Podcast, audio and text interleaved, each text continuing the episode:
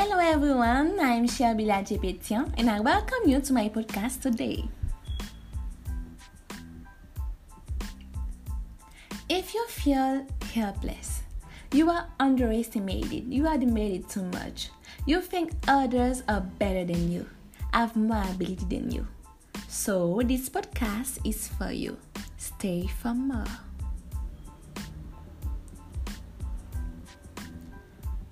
The topic of the podcast today is Don't compare yourself to others. You think others are smarter, more confident, they speak better, they are more beautiful, they have a lot more money. But what if I told you that all these things are false? That is an illusion. That is why they want you to believe. That is why they want you to feel. And since you think that way, you just let it happen. And do you know one of the reasons you think that? That is because you compare yourself to others. One of the main causes of this lack of trust is social media. You see happy celebrities who show that they have everything, that they have a perfect life. You see your friends who are in the same school as you lead a life of luxury. They show on Instagram, on, on Facebook statuses, how successful they have been in their lives. From now on, we put everything on social networks, and we often try to know about people's life to know whether we are going beyond them or how miserable our lives are. The lives of other and yours always look better on social networks. We must know that. Do you know that most of the things that are, that are shown to others on social media are mostly lies? We are just creating a first impression. All you must do is open your mouth, show your teeth to show people that you are smiling, that you are so happy, and they will believe you. Just show the holidays in Paris lunch in the morning with different dishes, the cine- cinema in the evening with the boyfriend or the girlfriend, the Lamborghini car, the trip on the yacht. Wow, it is a, a dream life, right? You may be wondering, but what have I achieved in my life? Why I'm not sexier? Why don't I have the shape of Nicki Minaj, the color of Blooded Ferdinand, the voice of Rothschild? We show others what we want to show them because everyone wants to show others that they are us uh, succeeding in their lives. And not everything is fine. But remember what we always say don't judge a book by its cover. Actor Will Smith once said, Don't compare yourself to others. This is how you begin to lose confidence in your life in yourself. The day you begin to lose confidence in yourself, to doubt yourself, is the day you begin to compare yourself to other people. Yes, I know. It is tempting to watch others to think you don't do. It makes you want to do so, and if you spend your time comparing yourself to others, you will waste your whole life complaining about yourself and not accepting you. Repeat your name. You are not Rothschild. You are not Nicki. You are not Blonde D. You you may be not thinner as you wanted to be.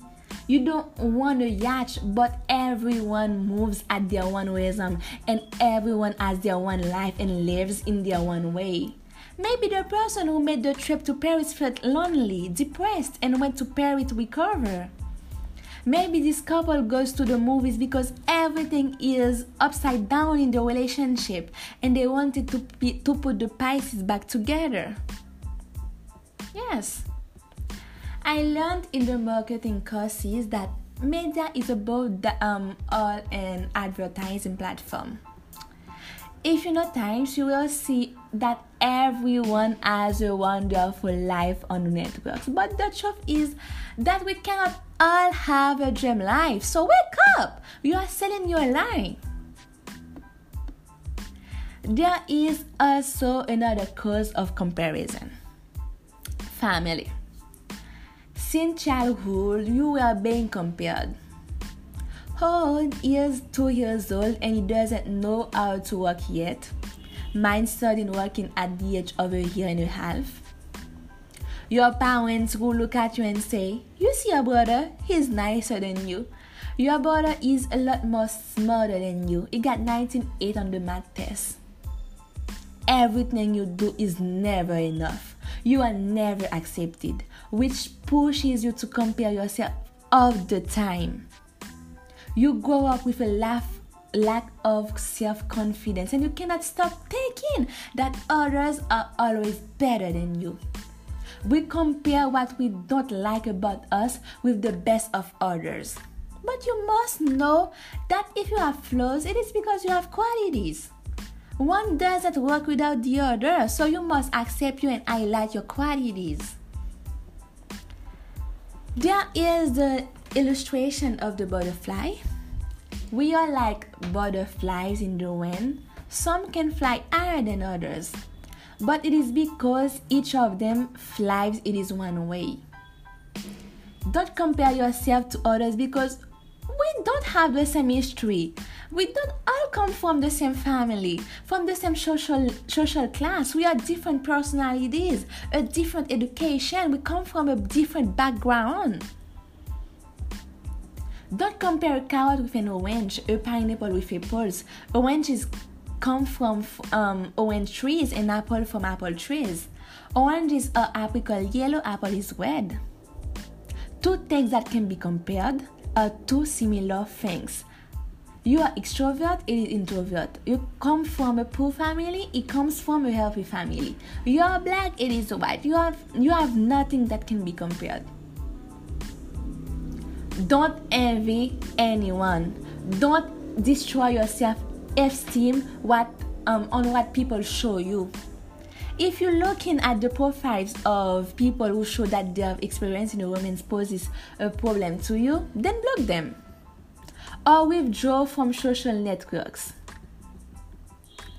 According to Santé Magazine in France, a magazine of article publication, social networks must not be a race to the one that has the most followers. No, more photos, but a place for exchange sharing of information, and constructive dialogue.